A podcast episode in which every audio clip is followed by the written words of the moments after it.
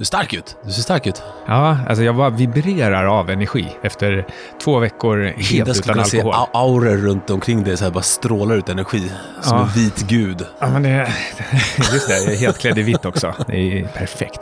Jag har tränat minst en gång per dag i 14 dagar i rad och eh, noll droppar alkohol. Ja, Så det, det här börjar bli farligt. Mycket duktigt.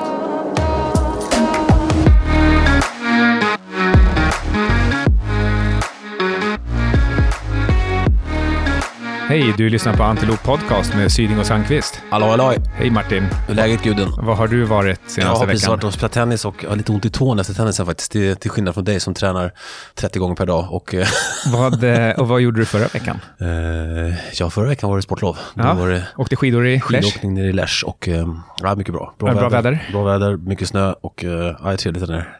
Skönt att barnen börjar liksom komma till en ålder man kan åka med dem också, inte bara liksom bära runt dem i backen för att det, det är rätt jobbigt. Nu börjar man kunna liksom ha kul. Ja, ja men härligt. Så mycket roligt. Eh, du lyssnade på eh, Peter Schiff på vägen in. Eh, guld? Ja, precis. Lite guld och eh, jag tog lite avstamp från ert avsnitt sist också, där ni snackade lite guld och eh, ville följa upp lite av de grejerna.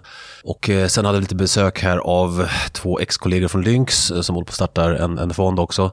Så jag kan faktiskt ta och ge dem lite reklam på en gång i och med att de inte är direkt konkurrerande. om en sån här systematisk CTA eh, som heter Striatum och eh, där börjar vi prata lite intressanta saker som jag tänkte lyfta upp. Som, vi har pratat mycket om det här med inflation och KPI-beräkningar och hur fel det är och, och felsättare. Men det vi inte har pratat om, det som de frågade mig, det som vi snackade om var, men vi har haft så låga räntor under så lång tid, vilket är ju liksom eh, inflationistiskt och sen har, trots att det har, har KPI gått ner och liksom varför det är så. Och eh, det finns en bra förklaring till det som inte så många människor känner till. Var vill du börja någonstans? Vill du fortsätta på det spåret? Ja, men vi kan eller? börja där. Och, eh, det är ändå så att, att eh, under flera år tiden så har, man ju sänkt räntan och stimulerat och eh, eh, på det sättet så, så ska, är det ju inflationistiskt i sig. Alltså att sänka räntan ökar ju penning, inte penningmängden direkt, men det ökar kreditgivningen.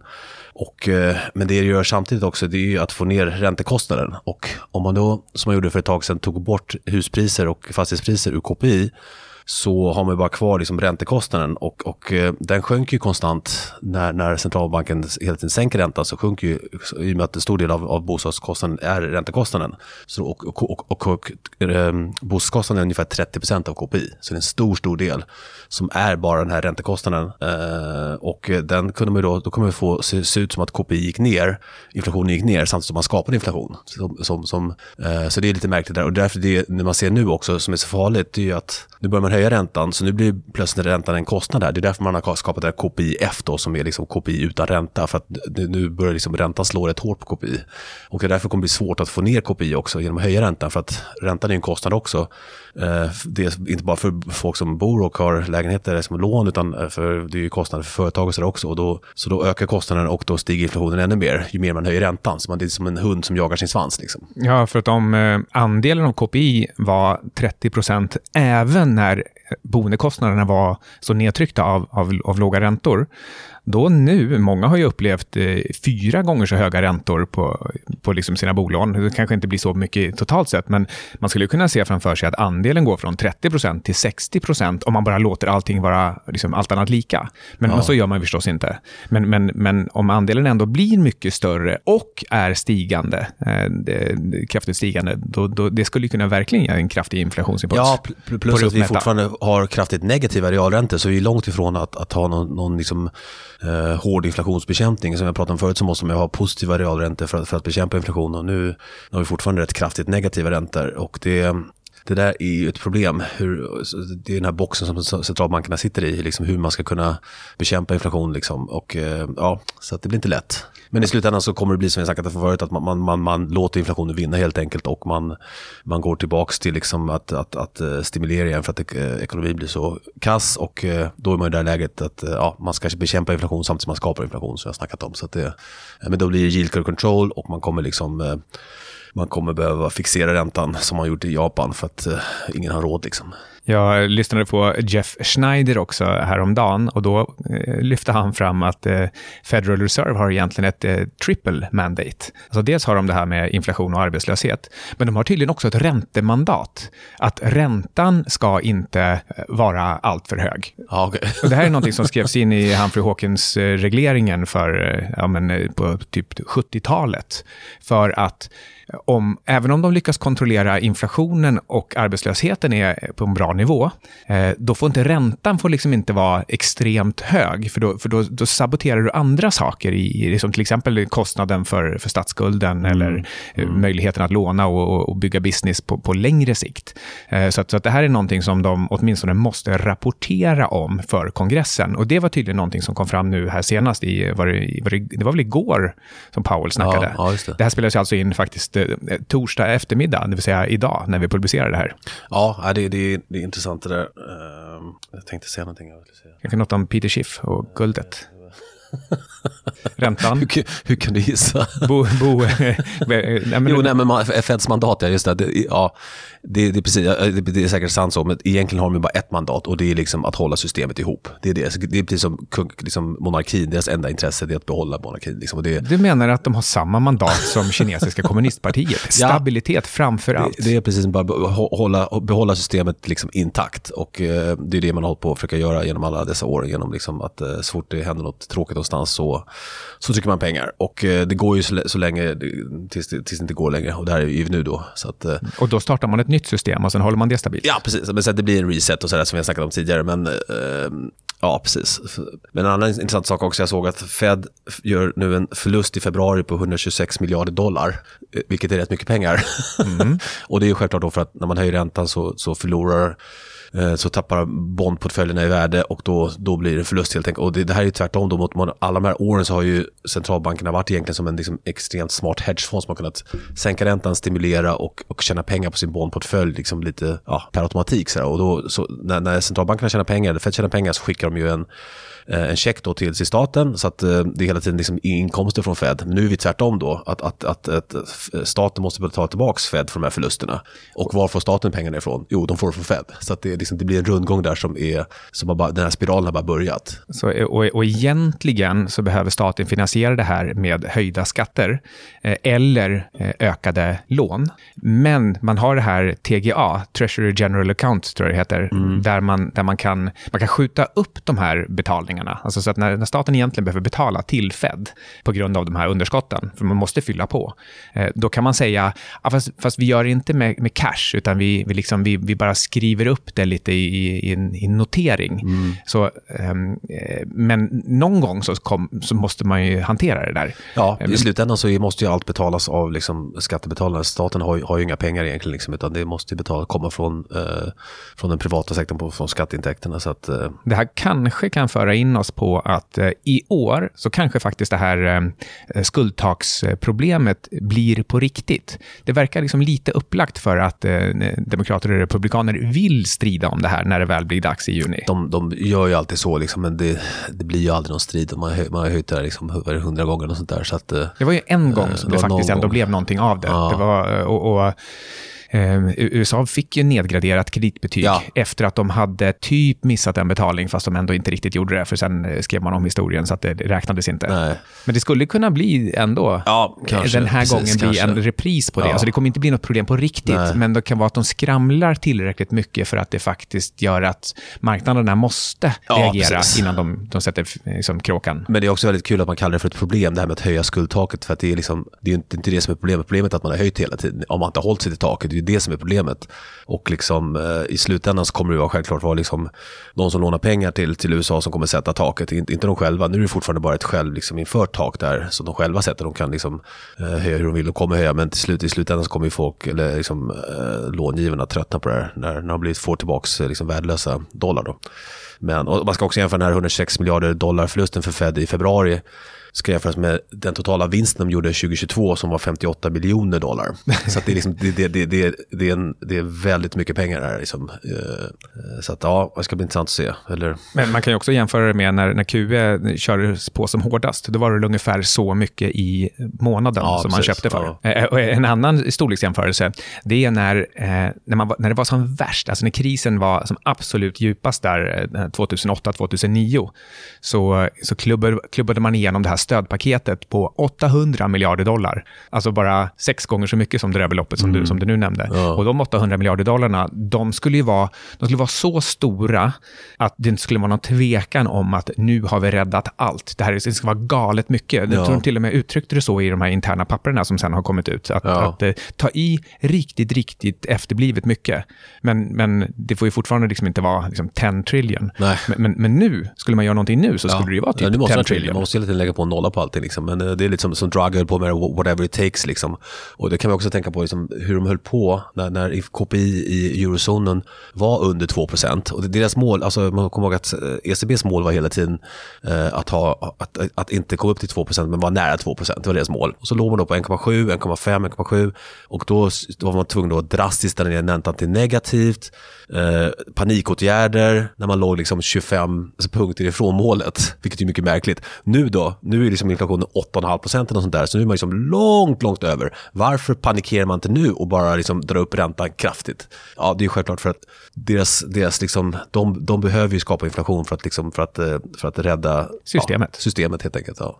Och det är som sagt då, återigen, då, det var det här som hände i, i Kina, att eh, eh ja, de har också tillväxt och stabilitet, gärna tillväxt och ta över världen på som 50 eller 100 års sikt. Men, men det är alltid underordnat stabiliteten, för är du stabil tillräckligt länge så kommer du ha vunnit bara av att tiden har, har mm, gått. Mm, mm. Men nu när man inte längre kan leverera tillväxt, det är lite för dålig befolkningstillväxt, Eh, det är liksom konkurrens om, om globala resurser, eh, då har man behövt tvingas fokusera desto mer på stabilitet. Och det är därför som Xi Jinping har, har, eller Xi Jinping har liksom stärkt sin makt lite extra mycket. Och kongressen här i, i helgen eh, sa ju dessutom, vi siktar nu på 5% tillväxt. En del hade ju hoppats på 6% tillväxt, ja, men det är bara 5, för de tänker inte stimulera, de har inte tillräckligt med, alltså det här nyöppnandet av Kina efter covid. Trots det så siktar man alltså inte ens på mer än 5 tillväxt. Så det är, någonting är, är, är fishy med den här liksom globala tillväxtmotorn. Ja, och, och liksom, eh, ja precis. Sen staten har ju egentligen liksom ingenting med tillväxt att göra, utan eh, tillväxten sker i privata sektorn. Men i, självklart i Kina så har man det här liksom konstiga duala systemet. Liksom. Men, ehm, och det är kul att och man kolla på var den här 2% target-grejen kommer ifrån egentligen. Varför har man 2 som, som inflationsmål? Det visar sig att det där började den nya zeeländska centralbanken med en gång i tiden. Och sen började alla haka på det, liksom. men ingen frågar sig varför. de, fråga... de sa bara någonting ungefär som, som egentligen var praktiskt och, ja. förankrat, att det, det, är ungefär vad vi har haft och det har verkat funka. Ja, och ingen Ingen ifrågasätter det här. Det är det som är så märkligt. Alltså, alltså det, det, ingen i finansbranschen är liksom... Ja, det är så märkligt. Liksom. Kommer till, till det ut och säger att man ska liksom eh, jaga reapriser. Det är så vi ska få ner inflationen. Liksom, utan att liksom, ja. Som historieskrivning är det också lite lustigt att eh, först så handlar det om att centralbanker ska verka för en stabil valuta. Det vill säga eh, motsatsen till när du bara kan trycka hur mycket som helst. Eh, och sen utvecklas det då eh, hos Nya Zeeländska centralbanken till att ja, men, cirka 2% är väl en, en, en, någon slags rimlig nivå. Och då brukade man säga eh, max 2 Ja, det var alltså tak. Liksom. Man utgår ifrån ja. att det kommer vara mer än noll ja. i vilket fall som helst. Men max 2% det kan vi kalla för stabilt. Så 0 till 2. Mm. Men egentligen, egentligen helst noll, för det ska vara stabilt. Ja, precis. Noll är ju stabilt. Två, två är inte stabilt över tid. Och, och, och sen blev det eh, eh, att man skulle hålla det på 2. Ja. Och sen efter det, nu på sistone har man ju pratat om, eh, alltså sistone, nu pratar jag 10-20 år, att det ska vara i snitt 2 ja, så det får gärna avvika upp till 4 och sen ner till 0. Mm. Så, så det, där, det där målet, det, det glider ja, det hela tiden till det som gör att man håller ihop systemet. Ja, precis. Och frågan är nu då, om man ska få ett snitt på 2% om vi nu liksom ligger någonstans mellan 6 och 12 procent beroende på vilket land man kikar på. Liksom hur, hur, hur, då måste vi liksom få ner inflationen, då måste vi ha deflation under ett par år för att få snitt på 2 procent. Men det är klart, självklart ingen som pratar om det, utan man nu bara försöka få ner det till 2 procent. Men det, alltså min poäng är att det kommer aldrig gå. De kommer aldrig få ner procent, äh, inflationen till 2 procent tror jag. Uh, för att det finns ett uttryck då, man, man, let the inflation genie out of the bottle. Och det finns det, finns, det här uttrycket har ju sin grund i att när man väl liksom tar ut genien ur, ur, flaskan så är det väldigt svårt att stoppa tillbaka in den.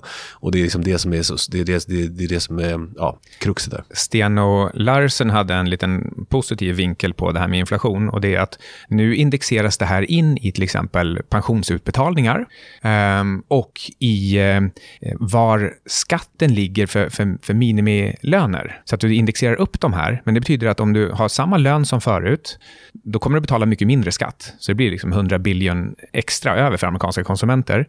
Och eh, i, i vad gäller i, i pensionerna så indexerar du ju upp dem också med inflationen. Så då blir det ytterligare, jag tror det var 250 biljon i uttalet. Så att hans positiva tolkning var att de här indexeringarna, det gör att det kommer ut 350 biljon i stimulanser. Eh, det, det kan låta bra, men det är ju precis det du pratar om, att har du släppt ut inflationsanden ja, då indexeras inflationsanden mm. in i systemet. Precis. Så att, så att det här skapar, jag menar, och, och, det där är bara en punkt. Ja. Sen har du ju att lönerna ska ju också stiga och sen för att ja. hänga med priserna på tomater. Med, med, kostnader, med, med räntekostnader och sådär också, liksom, som, som automatiskt så går upp. Då, liksom. så, så de har byggt in liksom en, en, en, klart högre grundnivå. Det är den vi får lära oss att leva med. Ja. Men jag tror också, varandes harens år, att vi får se ganska kraftiga kast runt den här lite högre inflationsnivån. Så det har man sett historiskt, att, att när inflationen sticker upp så, så blir det rätt volatil också. Men sen har man det här liksom, det centralbankerna hoppas på och det, det, många verkar tro också och det som är mycket inprisat i, i marknaden, till exempel guld och sånt där, det är ju att att man ska kunna liksom skapa arbetslöshet, man ska skapa recessioner och det i sig ska trycka ner inflationen. Men det, då har man inte förstått vad stagflation är. Att vi kan ha, liksom, vi kan ha hög arbetslöshet och hög inflation samtidigt, vilket är det vi kommer ha. Så att det, liksom, det, är den här eh, liksom, knäppa Philipskurvan som alla tror på, att det finns en korrelation mellan arbetslöshet och, och inflation och att, att på något sätt så när, när arbetslösheten är låg så blir det hög inflation och tvärtom för att liksom, ja, folk har mycket pengar och de, och de spenderar, pengar och då stiger inflationen. Men det, det där är liksom det, där, det, det, det, det, kan stämma någonstans på någon marginal, men i, i, generellt så är det faktiskt precis tvärtom. Att ju högre arbetslöshet ett land har, ju högre är inflationen. Liksom. Philips själv gjorde egentligen bara observationen att de här två verkar röra sig lite grann tillsammans. Han menade bara att det fanns en, en, en samvariation, inte att den ena påverkade den andra. Men det var liksom strax efter att han hade skrivit sin, sitt paper som såklart massa lobbyister och konsulter som, som, som ville hjälpa regeringen sa, kolla på det här här. Det här funkar så här. Låt oss, köra, liksom, låt oss använda det här mm. som ett policyinstrument. Eh, det vill säga, hög inflation kommer ge lägre arbetslöshet. Eh, eh, och så visar det sig att nej, men det där funkar inte i längden. Nej, nej. Men det var inte Philips fel. Nej, okay. Han bara noterade att de här rör sig, de har hittills rört sig tillsammans. Ja, det är som, som med keynesianismen, liksom, att det, de har, liksom, Keynes skulle vända sig i graven, graven om man såg liksom, hur, hur man, centralbankerna tolkar hans liksom, teorier idag. Så att det, Eh, Eh, men eh, ja, men det är också det här som är så jobbigt för, för, för om man är positiv som, som vi är till, till miners till exempel och guldbolag att liksom de har, de har brottats med hög inflation och, och man såg till exempel på, på Barrick Golds all in costs för att ta upp guld förra året var ju ökade med 25 procent. Så deras inflation är 25 procent, men guldpriset reflekterar liksom att, att, att, eh, att centralbankerna kommer få bukt med den här inflationen och få ner den till under 2 procent. Så att därför stiger inte guldet. Så det är en lite jobbig situation just nu för, för de där killarna.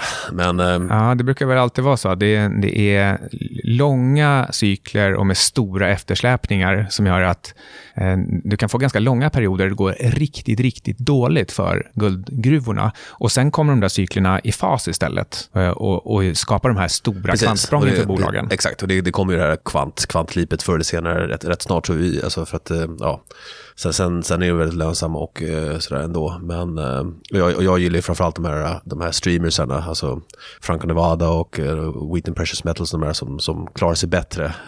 I och med att de inte är guldgruvor i sig, utan bara streamingbolag. Då. Ja, jag gillar ju den här eh, EMX, som det kom en nyhet i, igår kväll, där eh, de säljer 14 eh, projekt i Idaho. Och när, man, när jag räknar ihop alla milestone-betalningar och eh, vad de sen ska sälja delar av sin streaming royalty, alltså de kommer få 3,25 procent forever i, i betalning av, av köparen sen i framtiden och de får betalt i, i form av eh, en viss mängd ounces guld. Eh, då blir totalsumman på det värdet som de skapar, det blir 150 procent av market cap bara på de här 14 projekten. Av, av EMX market cap? Ja, av EMX market cap. Ja, det är helt sjukt. Eh, och, och, det är 14 projekt av 300, så de är alltså 20 gånger så många projekt till men det är klart att det här måste ju diskonteras och det är en, vi pratar om att de, det här värdet får de liksom över liksom, åtta plus år. Ja. Så det ligger liksom långt bort. Men ändå så, men vad sa vi, kursen rörde sig 3 Ja, det är märkligt att inte liksom marknaden rör sig mer på det här, men det är, ja. Uh, marknaden kan ha fel länge, som man kommer som man kom ihåg liksom från, från uh, dotcom-kraschen. Liksom, så att, uh, ja. Där tror jag verkligen, alltså, det här är absolut ingen rekommendation. Man ska inte hålla på att investera i den här typen av i nästan pre-revenue-bolag om man inte verkligen, verkligen vet vad man gör. It's pure play. Och, pure play. och, det, och dessutom så är det guld. Vad gör de? Jo, de köper och säljer en död sten och Ja. hoppas att någon gång i framtiden så ska de få det. Och det här är liksom optioner på optioner, kan man säga. Men, men, men med allt det här sagt så är det ju helt, alltså det är supermärkligt om inte det här bolaget snart gör det där kvantsprånget, alltså att de blir uppmärksammade för, för nu har de sålt de här 14 projekten och det kommer ett nytt projekt som de har sålt och, eh, och realiserat de här royaltiesarna. Det kommer ju typ varannan vecka, så är det ytterligare ett. Och det, det är klart det ska vara så. De har 300 stycken som står på kö för just det här att sälja till en, en guldproducent som då är, betalar med en del cash och en framtida liksom, royaltyström på all produktion. Men eh, ja, precis, problemet med EMX har ju varit att det har sett så trist ut på bottom line att de har gjort förluster liksom, för att de har gjort så mycket investeringar i alla de här pro, liksom, eh, projekten och uh, streamsen. Så att, eh, det, ja. Men uh, jag tror också liksom när, när det väl vänder så kommer det bli take-off. Men inga rekommendationer. Men eh, det fick man tänka också på, ni pratade förra gången om, om guld och Anna och liksom, det, det, en grej som ni inte tog upp det är, liksom, det är att, att guld egentligen är den ultimata liksom, krishedgen också. Det är inte bara en hedge mot inflation. Eh, men det är också en hedge mot liksom, eh, ja, geopolitisk risk och liksom, överhuvudtaget, det är, för det är den enda tillgången som inte har någon motpartsrisk. Liksom, för att det, även om du kan äga fastigheter, mark, sånt kan, sånt kan, liksom ta, det kan tas i beslag. Det finns e- eminent domain som, som, som det heter i USA när man liksom bara, staten plötsligt säger att det där, det, här, behöver- det där behöver vi, liksom. här får du 10 kronor för den här marken. Och fördelen med guld är att du, liksom, du kan faktiskt gömma undan den. ingen behöver veta att du har den, så att du har liksom ingen, ja, Som vanligt eh, efter avsnittet så fick jag en, en fråga, eh, den här gången eh, humoristiskt och, och ironiskt, i vilken valuta man skulle köpa guldet. Och då sa jag att om man köper och säljer i Korea, då blir det en så kallad one-one situation. Hur länge har du suttit och sugit på det där? Sen jag fick frågan. Så jävla tråkigt. Um, uh, Okej, eh, jag har en, en bullish grej kvar här. eh, och det är att när, man tittar på konjunkturen och man funderar över vad, vad, vad Fed har för eh, eh, framtida planer här på att höja räntan. Och och det verkar ju liksom luta nu åt att de ska upp till 6% Det är flera stycken som höjer, höjer dit. Ehm, så eh, Visa, Mastercard och Fedex, alla har nyligen varit ute och sagt att vi ser i princip ingen svaghet. Alltså våra kunder, de, de shoppar och de skickar som nästan aldrig förr. Ehm, För dem så är ekonomin stark. Den är precis så stark som arbetslöshets eller arbe, jobbdata visar. Och det är sånt här som, som Fed tittar på. Ehm, och som också är inflationsdrivande och som ingår i deras mandat. Att menar, konsumenten mår bra och, och de anställda mår bra. Så att det, är liksom, det är tryck i ekonomin. Men har du någon kommentar? Ja, eller jag vet inte, Ja. vad, Nej, vad ska kör, man kör, börja kör? Nej, jag, ja, börja var som helst. Ja, nej precis. Det där med arbetslösheten är ju liksom folk... Eh, när man, börjar, man behöver inte skrapa, skrapa mycket på ytan där för att se liksom vilken katastrof liksom arbetsmarknaden är egentligen. För att det som händer är att folk har gått från liksom heltidsjobb till deltidsjobb. Och det är klart, om du har ett heltidsjobb och så byter du ut det mot två eller tre deltidsjobb så ser det plötsligt ut som att arbetsmarknaden är tre gånger så stark. Liksom. Men självklart så är det inte. Du hade mycket hellre ha ett väl, välbetalt liksom, heltidsjobb. Eh, så att det där är en chimär och sen är det också en väldigt läg, lägande indikator där. Så att, eh, men eh, visst, visst, Fed tittar på det här liksom, men det, ja. Ehm, ja, eh, jag, jag, har, jag har så mycket negativa saker som man skulle Ja, kunna precis. räkna upp det är absolut neg- mest negativt. Det är, det är de här, liksom, man tittar på, på yieldkurvorna, kollar på TUS mot TENS, då, alltså differensen mellan tvååriga räntan och tioåriga räntan i USA som är kraftigt negativ nu. Och det, det händer bara, det har bara hänt två, det har aldrig varit så här kraftigt negativt, men tidigare så när det varit negativt så har det varit 2000, 2008 de här tillfällena. Liksom.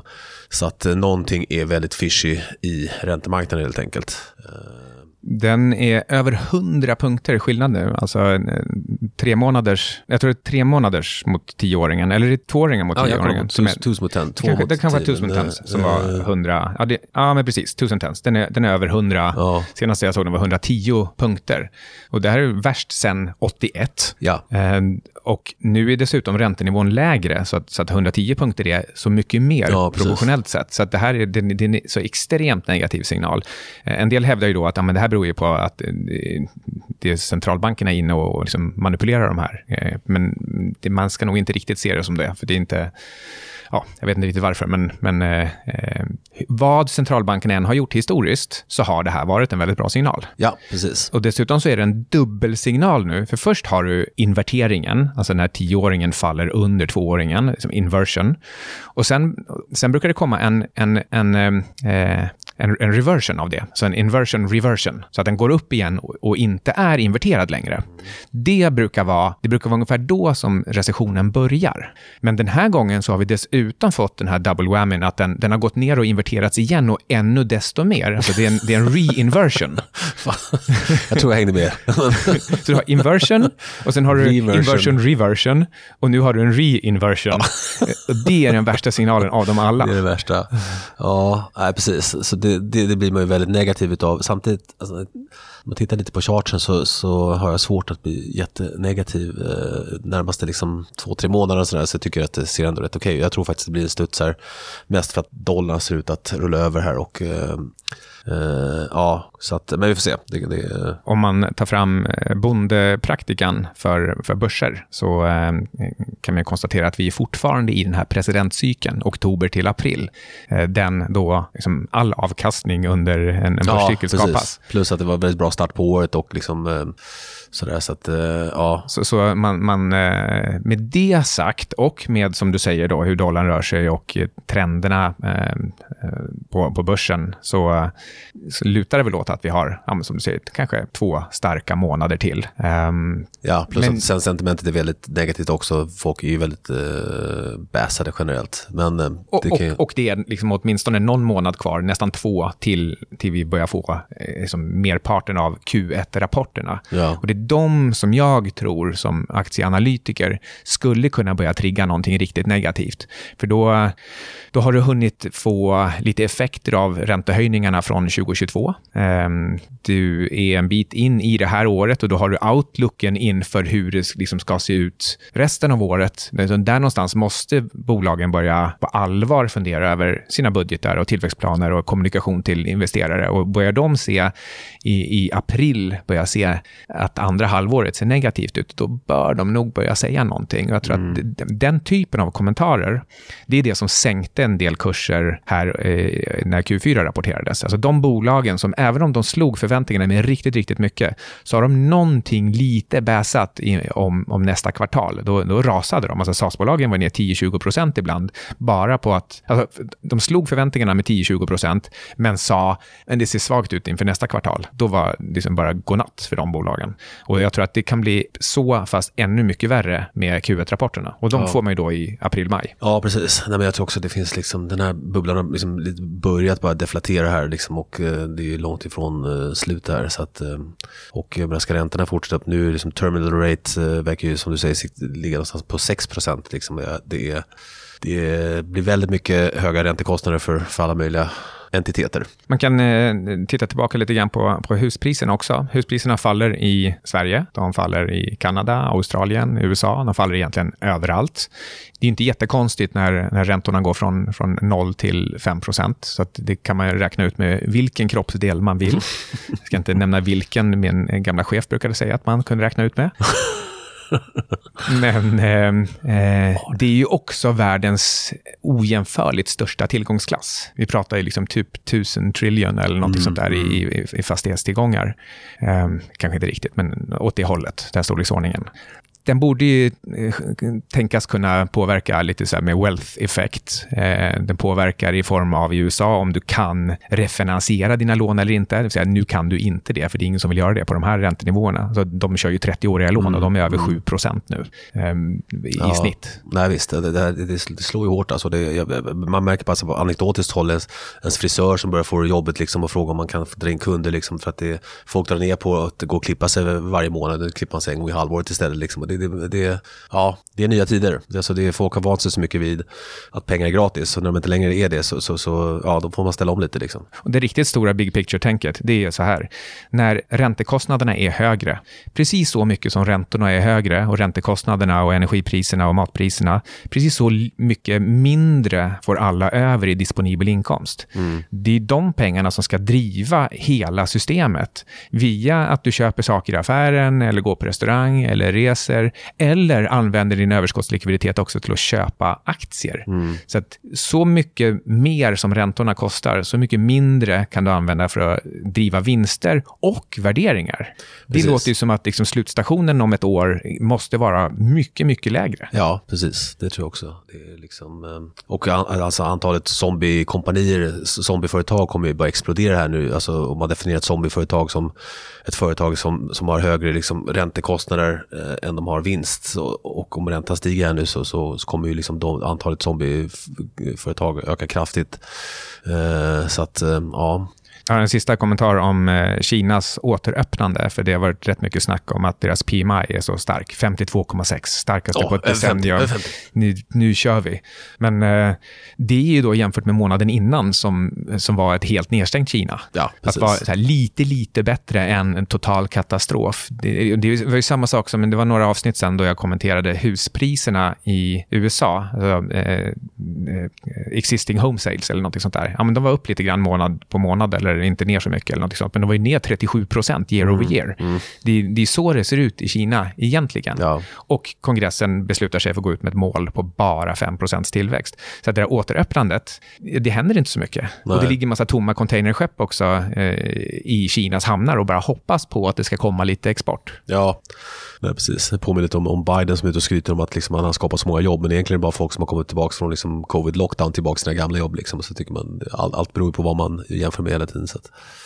Men eh, i största korthet då, hur, hur ska vi eh, driva börserna uppåt kommande två månader? Ja, nej, men jag tror det är mer en fråga om momentum och lite, kan vara short squeeze, att, att det är ett negativt sentiment. Eh, men ja, jag ska inte säga att det, att det är liksom en, uppenbart att det ska upp härifrån, men eh, man, jag, jag, tror, ja, jag är lite mixad kan man säga. Eh, jag blev lite eh, frustrerad senaste dagarna över att eh, även när det faller ganska mycket så, så fall, faller Nasdaq mindre ja, än S&P. Det, det är störigt och ganska bullish. Ja, precis. Det är lite bullish.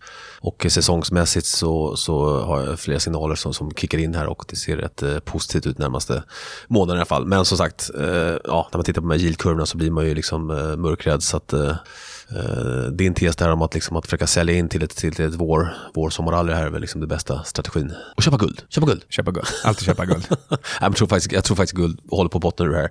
Eh, det säger vi ju ofta här, men eh, ja, just nu ser det faktiskt ut. Du skulle våga betta på att eh, guld går bättre än S&P på 12 månaders sikt? Absolut, den är lätt. Jag tror, jag tror guld var för 1900 inom ett halvår. Ja, men eh, absolut ingen rekommendation. Nej, nej, för nej, vi ger inga rekommendationer nämligen. För att det, det, det skulle innebära risk Då. för alla möjliga investerarna och för oss och sådär. Så, att, så att, eh, absolut inga sådana. Nej, precis. Och eh, hålla sig borta. Min, ja, min fru eh, har en kompis som har råkat ut för kryptoscam, så att se, se upp för sådana också. Om det är någon som ringer och säger att de kan tjäna 1000% i veckan så ska man liksom bara lägga på. Ja, även 10% i veckan tror jag ja. man ska, ska ja. lägga på. Generellt sett, om någon ringer som du inte känner och som säger att du kanske öppnat ett kryptokonto här, så det är inte att rekommendera. Nej.